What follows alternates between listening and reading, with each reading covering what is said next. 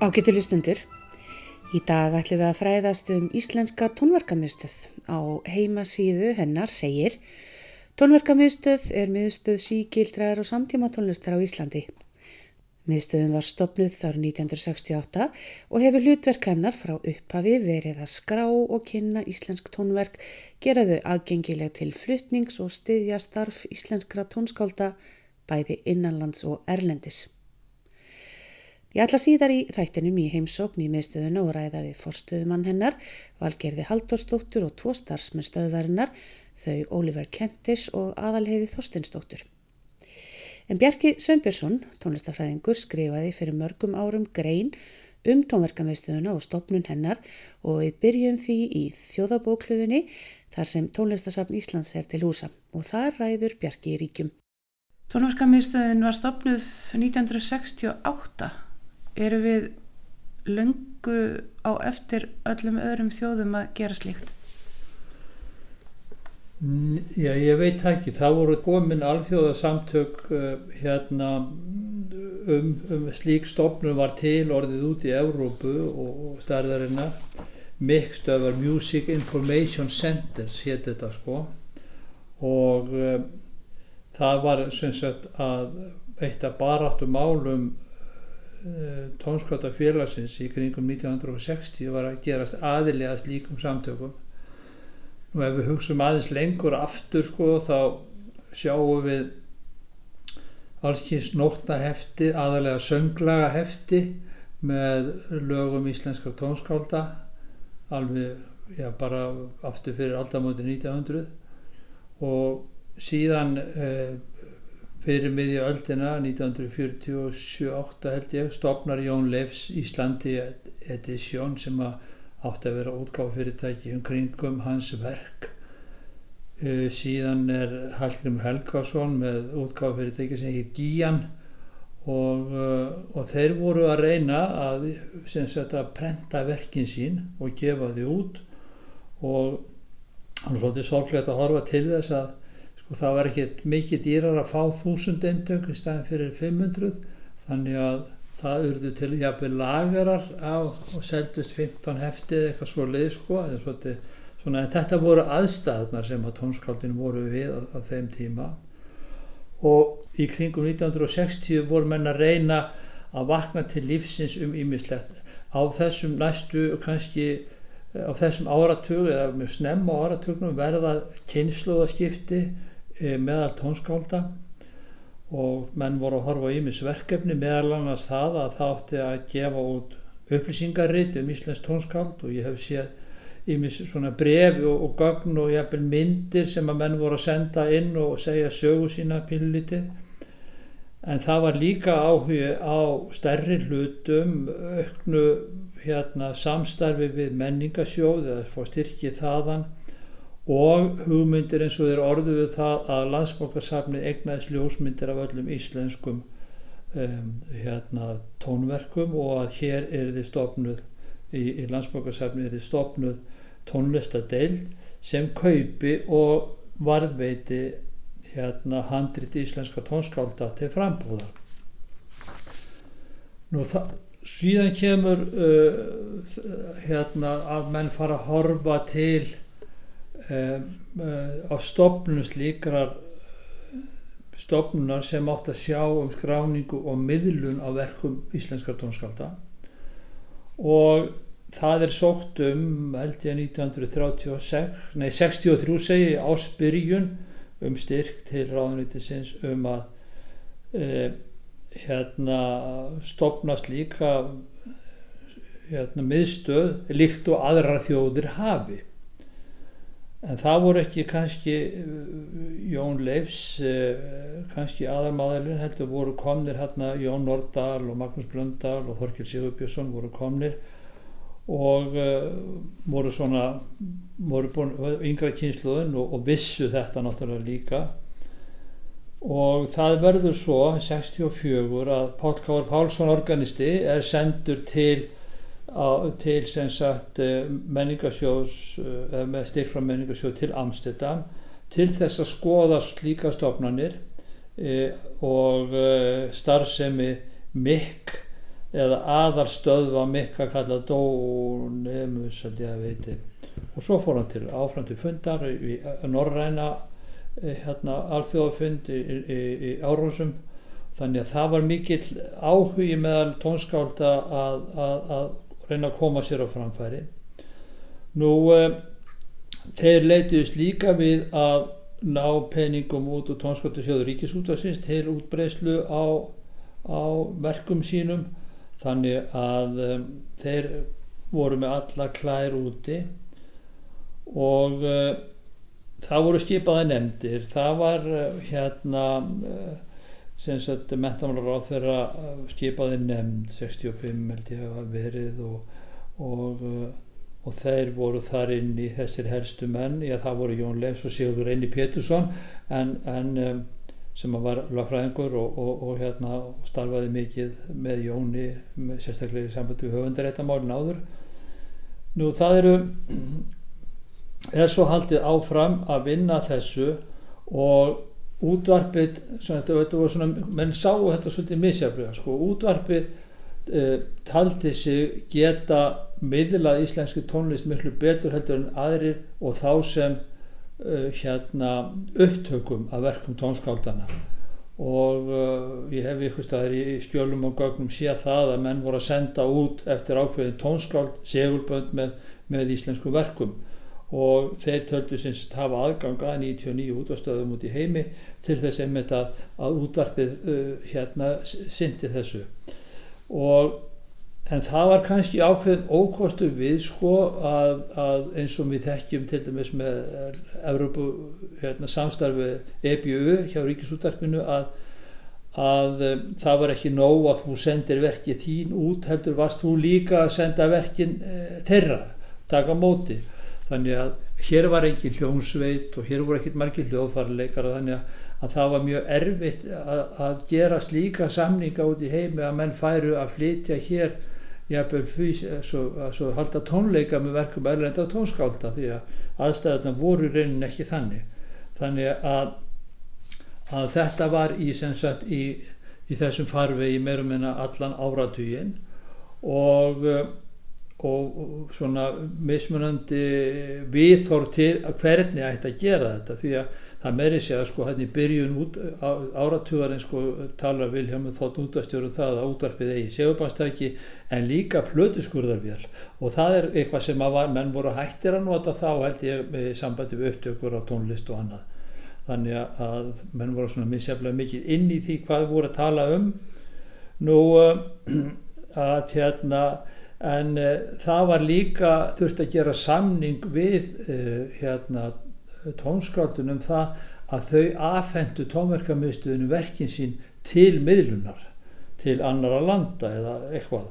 Þannig að það var svona menn voru, það var svolítið embætsmanna uh, svipur á þessu þarna. Fyrst það voru skipaðir nefndi, menn úr ymsum stjettum í þessa hérna Um, í, í nefndinni Jón vildi, Lefs vildi nú að, að það væri menn með tónlistathekkingu sem að uh, tækju að sér þessi verk.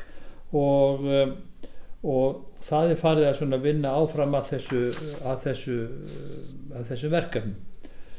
En uh, til þess að horfa hóta alvarlega að þá held ég að þjóðinni sé orðið svolítið kunnut um hvernig maður Jón Lefs var sko hann var ofta tíðum þannig að, að hann, það var ekki farið í neyn verkefni hjá honum nema hann tryggði í rauninni sjálfum sér síðasta orði þannig að þetta er ekki gert nema hann ákvæðið að hvernig þetta er gert.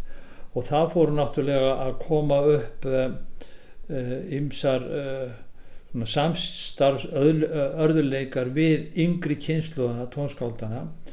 Og rauninni þessar tillögur sem að voru með útarpi og fleira að Jón Leifs banna þá raka eða fleigi fram, framgang þessara hluta.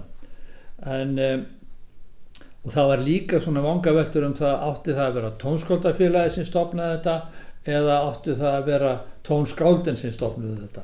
Þannig það voru svona vissar uh, hérna um, vangaveltur og pælingar um hvernig þetta erði gert.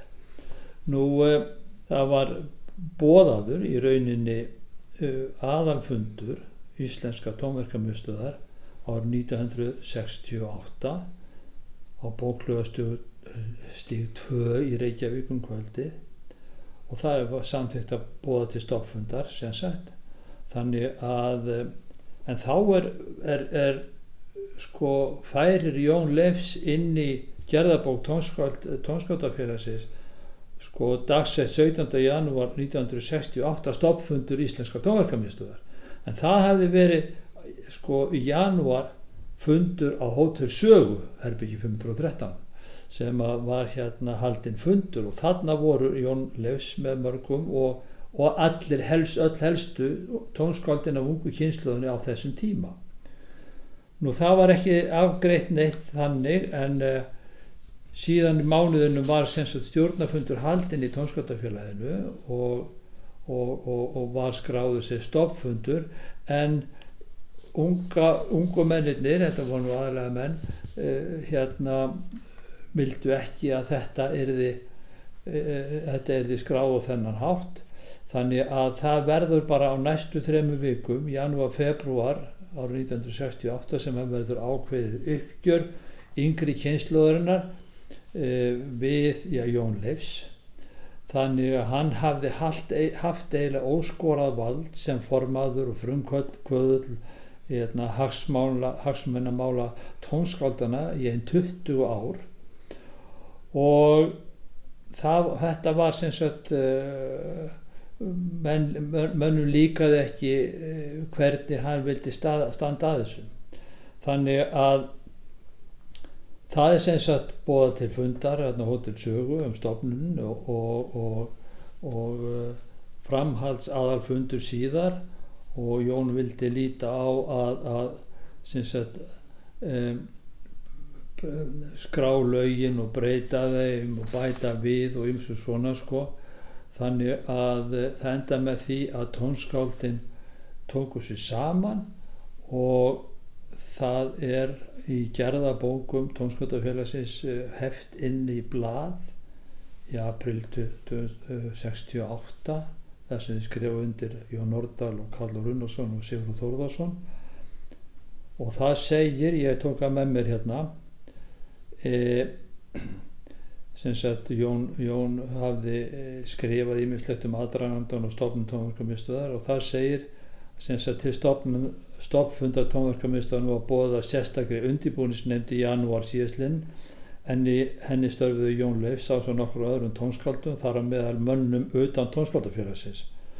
Málið eða drög að samþektum fyrir miðstöðuna var ekki fyrirfram borið undir stjórn tónskaldafélagsins eða stefs, nýja heldur almenna félagsfundi í þessum félagum.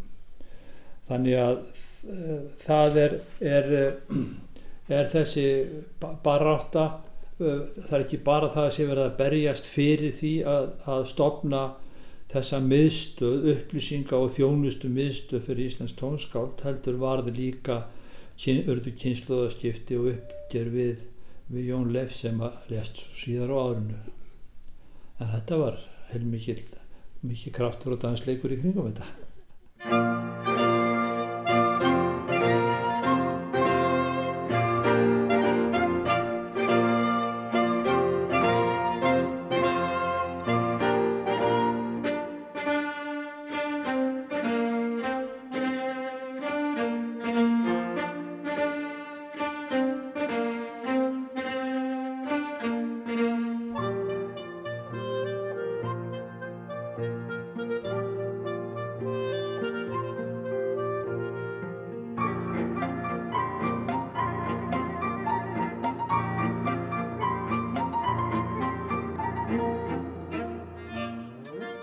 Aðalhefur Þorstinsdóttir, það þekkja þig allir sem hafa haft uh, eitthvað, eitthvað samband við Íslenska tónverkamiðstöð síðastlegin ár.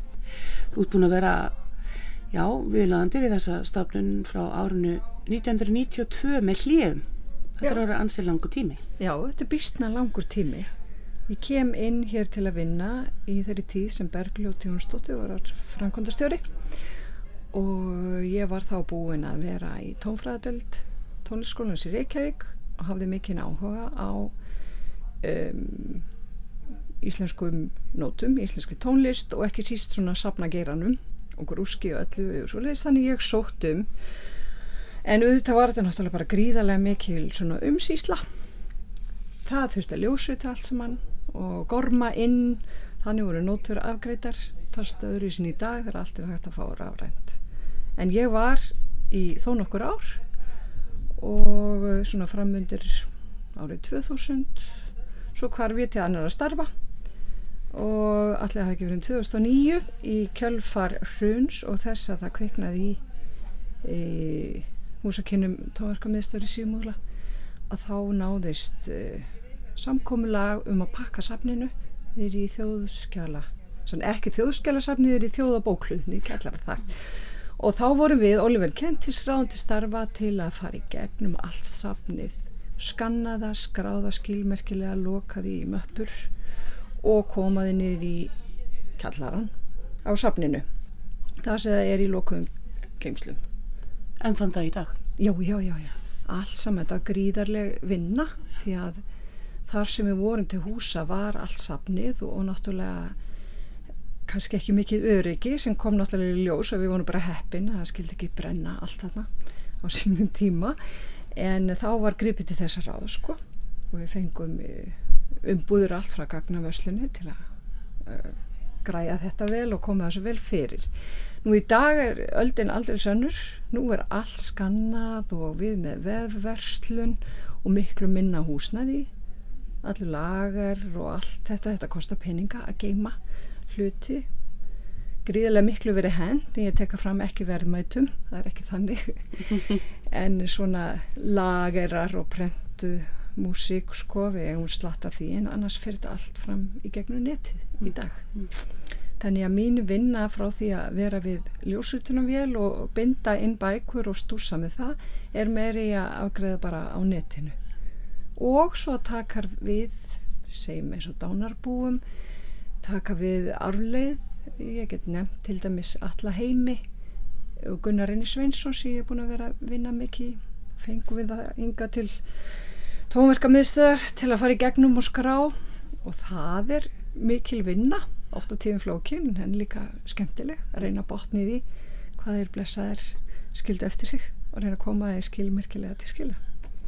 Þannig að þú ert að, ertu þú að skrá verkin rafrænt inn í tölfur til varvæslu? Já, það er ég að gera helstu upplýsingar nú að gefa þeim náttúrulega tilskilin númer og allt það og svo að skanna það inn nú það sem við fáum er í misjöfunu ásökkumulagi stundum vel frá þessu gengið og annað eru blad snepplar út um alls og ég vittni nú í eina samstagskonu mína fyrir mörgum árum þá kom sapn ónemnds tónskálds þar stóð vart steiti við steini þá sagðum þetta.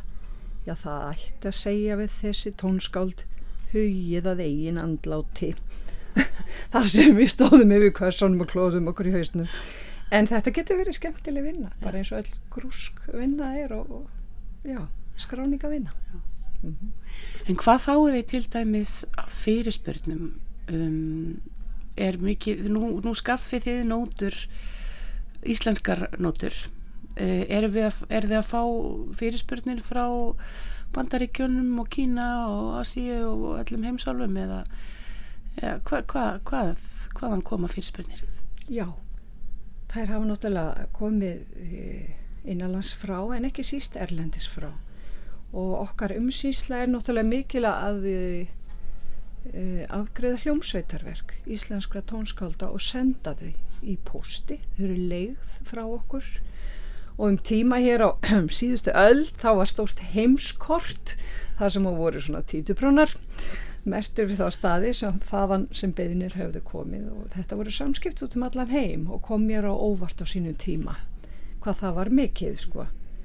En, en í dag auðvitað hefur komið pása eins og allir vita COVID-pásan þar sem að lítið er pantað og lítið er um tónleika en annars fáum við hinnar ímsustu fyrirspurning það eru rannsóknarverkefni um, það eru náttúrulega flutningur verka út um allt og, og svo bara alls konar spurningar tengdar, geta verið tengdar hinn og þessu. Tekstum uh, trú eða þar að segja uh, eigiði, hvað eigiði tengt álfum eða, eða kirkjulegu eða eh, hvað eigiði eftir konur og, og eigiði verk fyrir svona og svona hljóðfæra samsetningar þannig að þetta, já já, þetta eru skemmtilega fyrirspurnir oft. En við erum með á skrá náttúrulega svona, hvað ég segja, samtímaverk og líka eldra efni.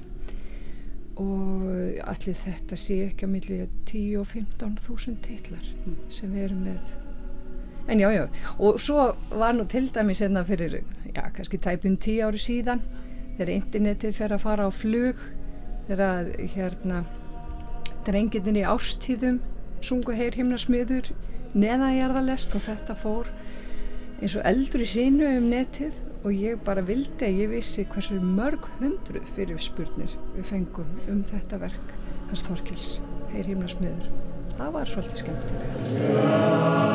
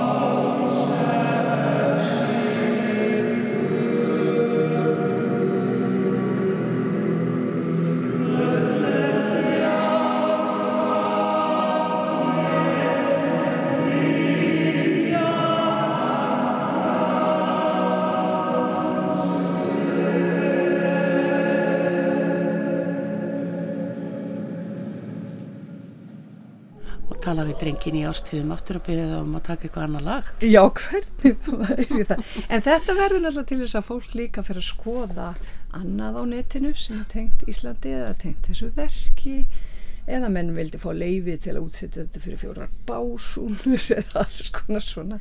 Það þarf að fá leiði til þess Hufundalifi Þorkels eða það rétt að hafa. Já, ef þú allar nú haga þér vel þá gerur það En hvað er svona annars eh, vinsalast, má maður spyrja eh, svo leiðis, eru þið með nótu til þeimis fyrir Önnu Þorvaldsdóttur, Daniel Bjarnason og öll þessi eh, svona, já, við skulum segja, tónskáld sem eru að gera það gott út um allan heim? Já, við vorum það. Við vorum það og já, það var mikil eftirspurn eftir Önnu Þorvalds sérstaklega. Nú er hún komið með sitt í útgáfu Erlendis og Daniel líka. Já það er náttúrulega leiðilt fyrir okkur að missa en auðvitað gleðinstu við fyrir þeirra hönd að komast að með útgáðu samling annar staðar. En já, já, við fáum fyrirspurnir og þá vísum við þeim náttúrulega bara áfram. Já, já, já, já. en við höfum hins vegar allan rétt á Jóni Leifs og hann er, hvað ég segja, sígildur sko, það er alltaf verið að flytja verk eftir hann, öðru hverju erlendis. Já, já, já, já. Hvaða verk þá helst? Tja, það er nú kannski ekki þessi allra stærstu, þau eru svo viðamikil en, eh, en svona verk, lítil verk fyrir strengasveitir til dæmis og eh, við skulum segja geysi sem er forleikur eða svona, já, já, ekta fín landkynning rimnadansarnir eftir Jónleis feikilega vinselir og svona, já, bera í sér eitthvað mjög eh, svona hefðbundin stíl eða sem sagt þessar rithmapælingar sem voru í gamlu þjóðlögunum þannig að það já já, við sendum mikið af þessu. Hvað finnst þér skemmtilegast að gera hérna? Já. Já, ég voða mikið grúsk manneskja þannig að að fá kassa með, með efni sem ég hef ekki snert áður já, ég veið að vikina, ég hef gaman að fara í gegnum það. Þó ég stundum endi með að klóra mér í hausnum yfir því. Að já, þá þykir mér það skemmtilegt og flokka og koma því í eitthvað sínilegt form til varðvislu, já. Ég er meira þar.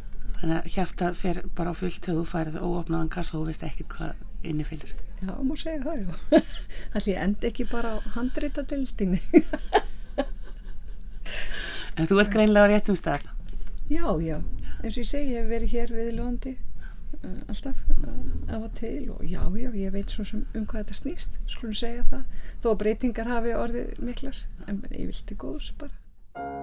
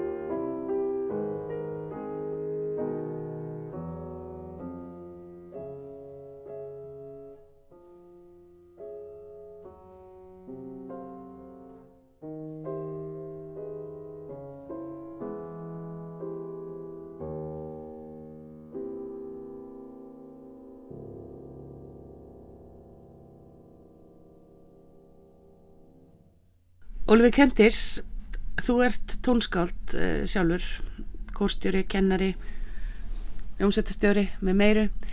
Um, hvernig er það að vera handfjalla tónlist annara uh, allan tíman hér í, í tónverkamiðstöðinni? Það er mjög góð spurning. Um, sérstaklega þegar maður sé handritin til dæmis Jóni Leifs eða, eða Jón Nordal, Jón Þorrinsson og svona því eldri tónskáld hvað svo fallega handrit er með. Og þetta er svo fallega skrifað og skilmerkilegt. Jón Leifs náttúrulega skissurnar eru alveg hræðileg. En þá höfum við lendi í því að þurfa að tölvusetja mikið sérstaklega Jón Leifs út af því að, að hérna sumt af þessu er ólæslegt en Jón Nordal og Jón Þórinsson og þetta er bara unun að horfa þetta og fletti í gegnum og sjá, sjá hvernig þeim hugsaði þetta og, og skrifa þetta út mm. Hvernig var það? Vor, var kend einhver svona sérstök nótnaskrift? Mátti ekki bara allir skrifa bara sínar nótur eins og þið vildi? Jú, ég held það. Uh, ég veit ekki til þess að það var kend neitt hvernig á að skrifa nema það átt að vera og ég segja mínu nefnundur alltaf að þarf að vera læsilegt. Þetta er mjög nákvæm um, upplýsingar sem að það eru skrán í þau þegar maður skrifa nótur. Og það þarf að vera umfram allt læsilegt. Ja. og svo uh, sum tónskald núna eða flestir núna nota tölvu þegar þeir eru búið til rætskaf við erum örf á tónskaldum til þetta á annar í handa sem, sem er ennþá að handskrifa. Þarf ekki að nefna nöfn en, en þeir, þeir vita hvað þeir eru. En við, við hérna til dæmis eins og ég var að segja Jón Leifs við þurfum að, að tölvusetja hann. Því að hann er stundum mjög erfitt að lesa hans nótur en mjög fræðandi samt og hvað, hvernig hann er að hugsa og hvað, hvað hérna, hvernig hann settu þetta út og en annars er það, ég veit ekki til þess að það, það er neitt kennslu í því. Og ég vildi að það væri núna að kenna þessi yngri tónskáld að nota forritin betur. Og, og ég veit að það byrjaði að gera það í, í listaháskólan að það er farin að sína nefndu hvernig á að á að ganga frá ratskrá og rattir því að þetta er þegar þú sittur þannig í hljómsveit og allt er að koma nýtt stykki og þú hefur engan tími til að þú verður bara að geta að lesa þetta mm -hmm. og stundum er eh, maður þarf aðeins að hjálpa til og segja nú þarf þetta að hugsa um flettingu og nú þarf þetta að vera læsilegt og, og alls konar lutir mm. þannig það er hérna það er nöðsynlegt að, að þessi sérstaklega yngri kynnslóðin fara að læra og, og, og það sé kent líka betur Ég man nú hérna fyrir sko 35 árum þegar maður kefti sér nótur af íslenskum verkum þá voru það ekkit endilega tölvusettar og útgefið á tónverkamiðstöðin ég man að maður var að lesa uh, handskrifaða nótur sem að þá voru uh, gefnar út þannig. Jú, jú, í sölu, jó, hérna, Þorkell allir heimir allir heimir stundum gerum voru að fallega handskrifa ratskrár og mjög auðvelt að lesa eftir hann en aðrir ekki eins góð. En jújú, jú, það var ekki það var Íslandia sem gaf út og Músika Íslandia sem gaf út ef ég, ég mann rétt og mikið af tónlist. Og það var prentað og það var einlega bara í fyrsta skipti sem Íslensk tónlist var prentað nema náttúrulega Sveinbjörn hann var uh, úti í, Breitlandi, í Skotlandi og hans nótu voru mikið prentað. Ekki öllu en, en þá sé maður Íslensk tónskáldi fyrsta skipti á prenti. En uh, annars var, jújú, jú, við vorum að selja hann, handrit uh, tónskáldum bara ljósut eða Xerox eins og það var í gamla dag og, og, og gæði eftir því En það er nefnilega, það er svolítið gaman að sjá hvernig tónskáldin skrifa nótunar. Það er svolítið gaman að sjá handskriftina. ég er með bók, er með tvæ bækur heima reyndar um, myndir af, af ratskrám og svo skýringu í hinn bók sem skýrir hérna, jú, jú, hann skrifaði þetta fyrst og svo breyti hann hug og, sk- og að bera saman ég meina, auðljós dæmi er Beethoven og Mozart til dæmis Beethoven bara valla hægt að sjá hvað hann er að hugsa. En Mozart bara skrifaði út bara og Richard Strauss ég man er bara voðlega falleg skrift. Og ímislegt og, og eldra og, og yngra verk líka. Þannig að hvernig tónskáld og þeir segja jú hann gerði þetta og svo fór hann að hugsa aftur aðeins breyti hitt og þetta og svo gerir hann þetta fyrst og þetta er mjög fræðandi mjög gaman að, að, að sjá þessu og eldri, mjög gamalt dóver útgáfu minni mig og tæ bækur Ég spurði aðalheiði hvað henni finnst skemmtilegast að gera. Ég ætla bara að spyrja þig það, því sama líka. Já, það koma alls konar fyrirspurnir og það greinir þetta fólk út í heimi, þeir vita um Ísland og vita við erum að, að gera mikið flottu tónlist, ekki bara poptónlist líka, það er eh, skringilegt, nei, ég segi ekki skringilegt, en, en interessant hérna fyrirspurnir sem koma frá allstaðar í heiminum og þeir vitur um hitt og þetta um Íslands tónlist sem maður stundum, já, ok hvernig, þú er búin að grúska mikið, segi ég. Og það er, þú veist, jú, jú, þeir vita það í gamla dag áður en búðin kom til. Náttúrulega við erum núna með vefbúð og það hefur breytt öllu, eða miklu.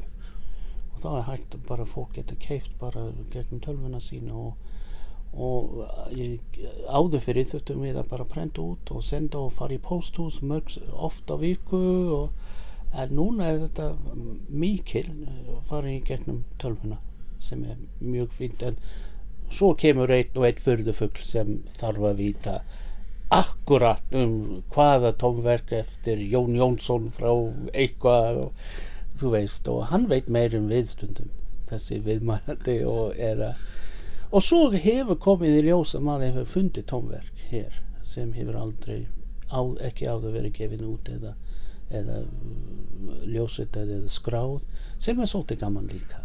Það er líka gaman Og það kemur svona í kössum eins og aðalheiði fyrir svo skemmtilegt að opna. Já, að opna vandræða kassa eða eitthvað svona það sem við erum búin að íta undan okkur og svo kemur skildadöfum að það verða að gera eitthvað í, í, í þessu og jújú, jú, þetta er rísavaksi verk en jújú, jú, við erum ennþá að reyna að, að jújú, jú, gera það sem við þurfum að gera að, að láta fólk út í heima og, og hér heima að kaupa Íslands tónlist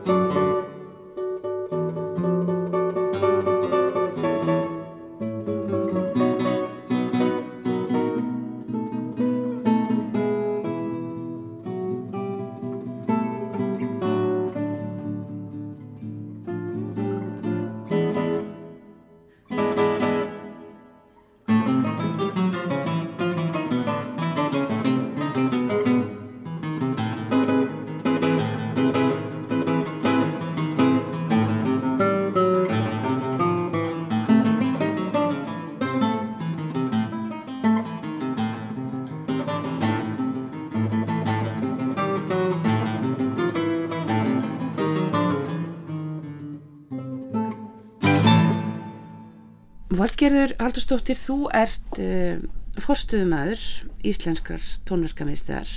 Jú. Hvað hva, hva ertu búin að gegna þessu starra lengi? Ég er búin að uh, gegna þessu starfi síðan um áramót 2018-19. Leisti áður af um 20 mánuða skeið þegar forverið minn fór í basburleifi og það var fín starfskynning, svo ekki sem er sagt. Og hérna, hún ætla bara mjög gaman að þegar, þegar hún sagði starfinu lausu að, að vera svo ráðinn í staðin. Það hefur verið það skemmtilegt starfa, þú hefur getað hugsað þér að vinna við það áfram.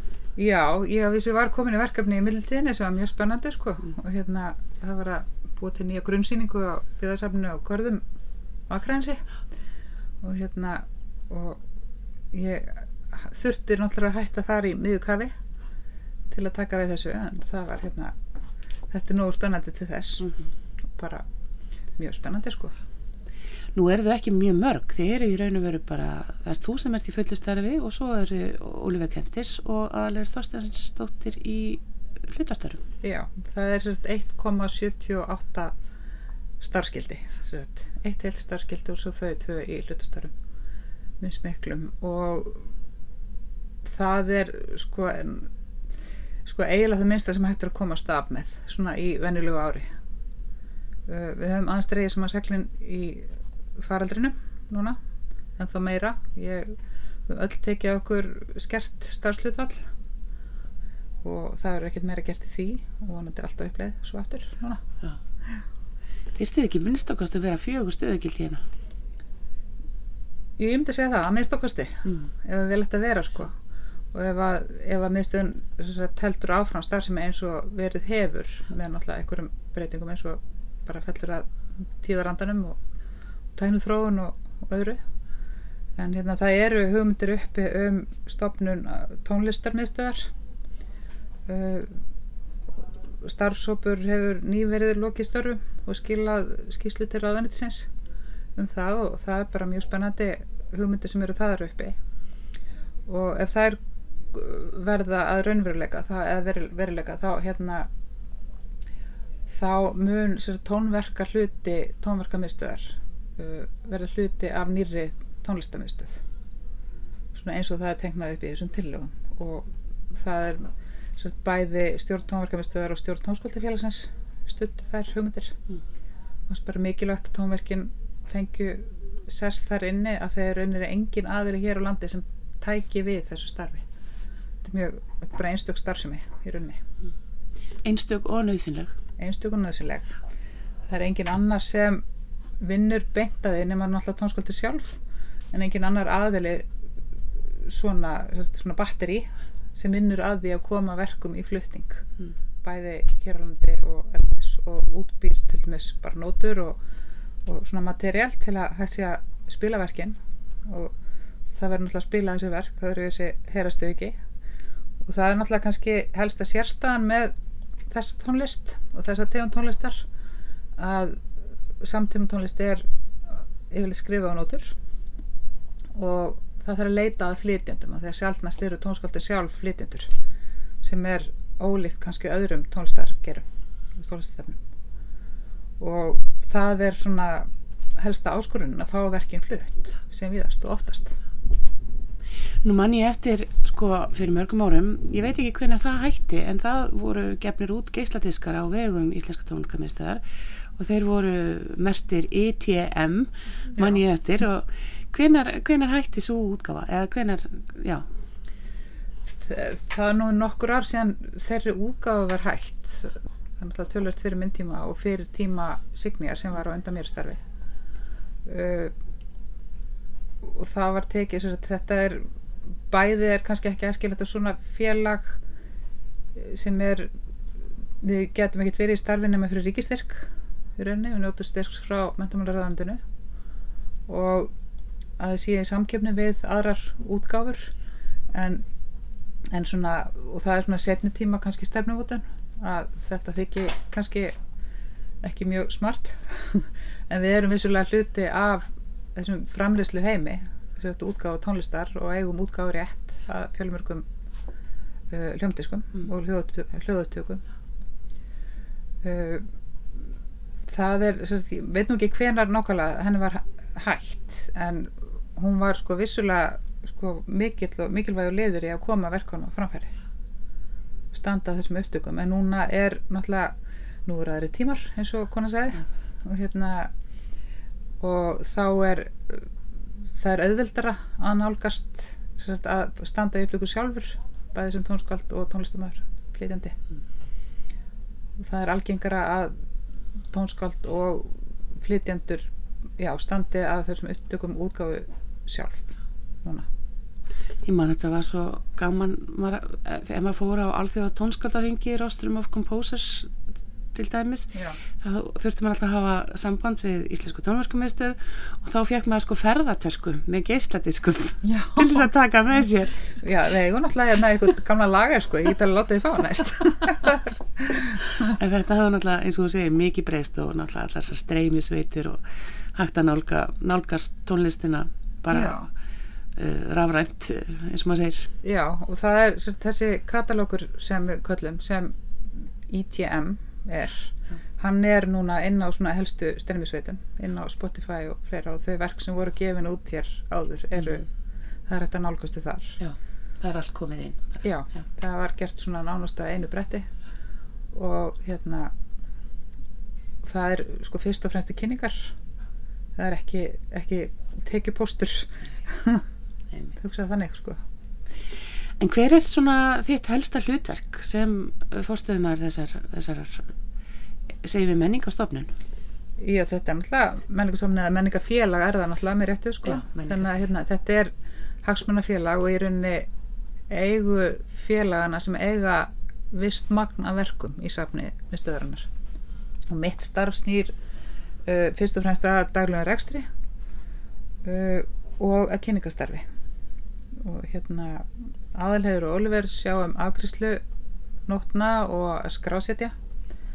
Uh, ganga frá verkunum á tilhlýðilegan hátt þannig að það sé að skila nýr í uh, landsbúkasafn þar sem við erum með hillur undir okkar safn. Uh, já, ég sé um rekstur náttúrulega fjármálinn og, og að hérna miðstöðin bara haldi sjó uh, svo kynningarmálin eru líka stór partur af mínu starfi Mm. og náttúrulega til að væri stærri partur það hefur kannski minna farið fyrir þeim undarfarið ár heldur en stóð til en eins og ég segja það er alltaf uppleið núna Og svona framtíðarsýnin hjá þér?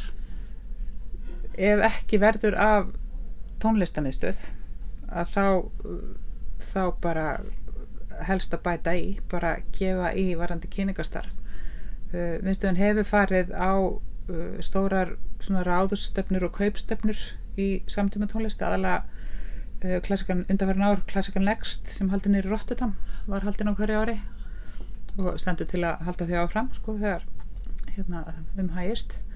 Uh, og uh, einu sinni var miðstöðið með bás og var þá með uh, kynningu á nokkrum aðlum sem voru valdir eftir ákveðinu eftir, eftir ákveðu valferli.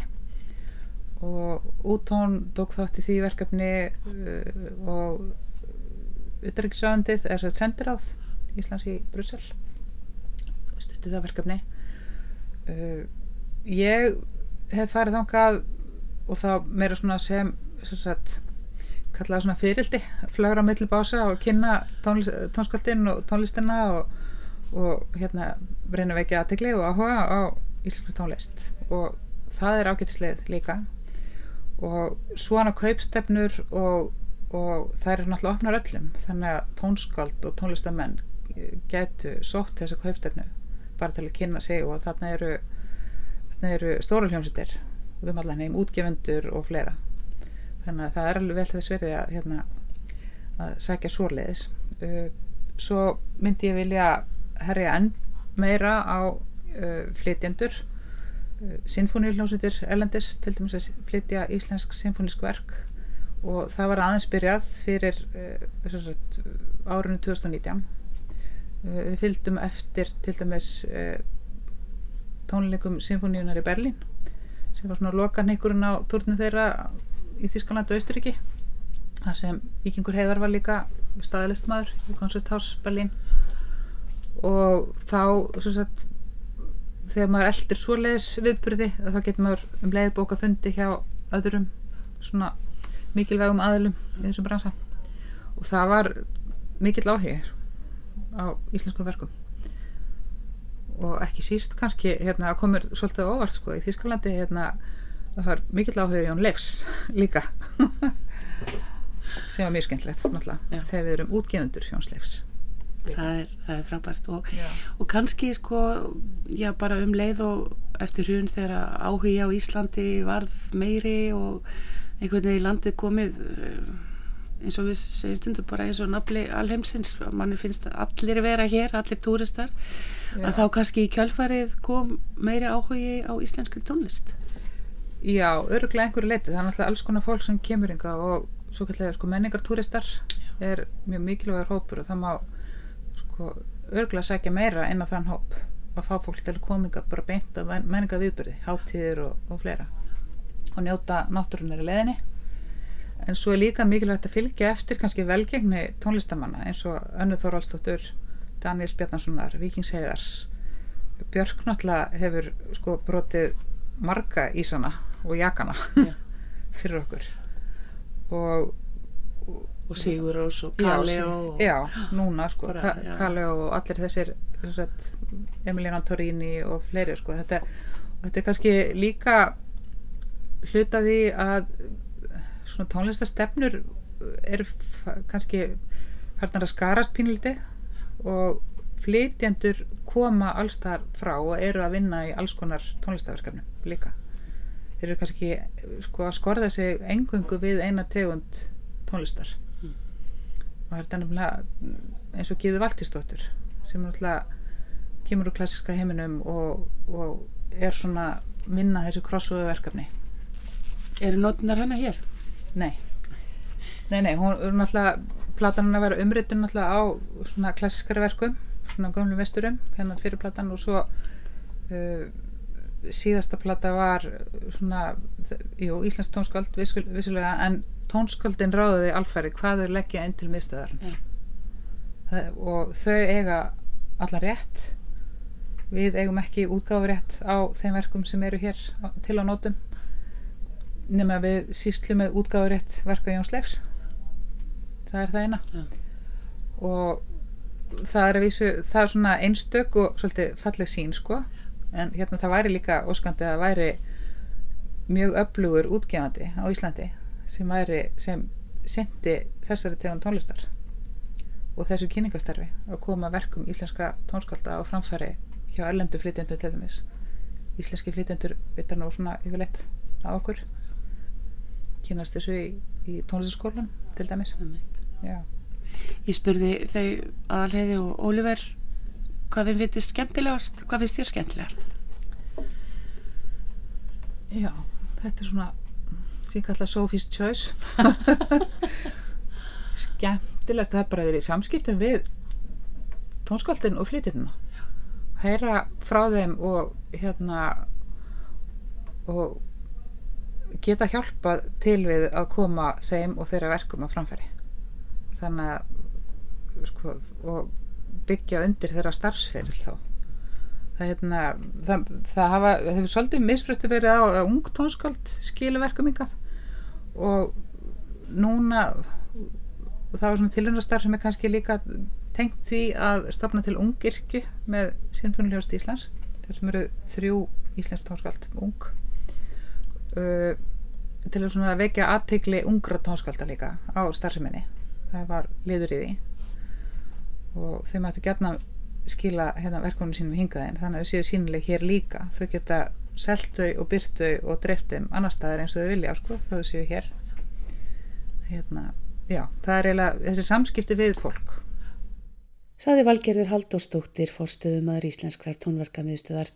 Ég hvet fólk til að kynna sér betur starf þessarar merku miðstöðar meðal annars í gegnum heimasíðuna mic.is mikið og merkilegt starf sem þar er unnið.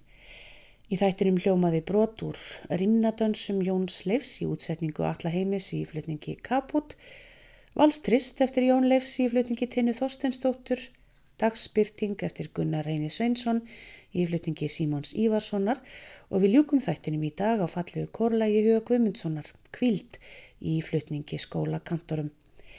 Viðmalendu mínum þakka ég fyrir spjallið, við ykkur hlustendur segi ég, þanga til næst hafi það sem allra best.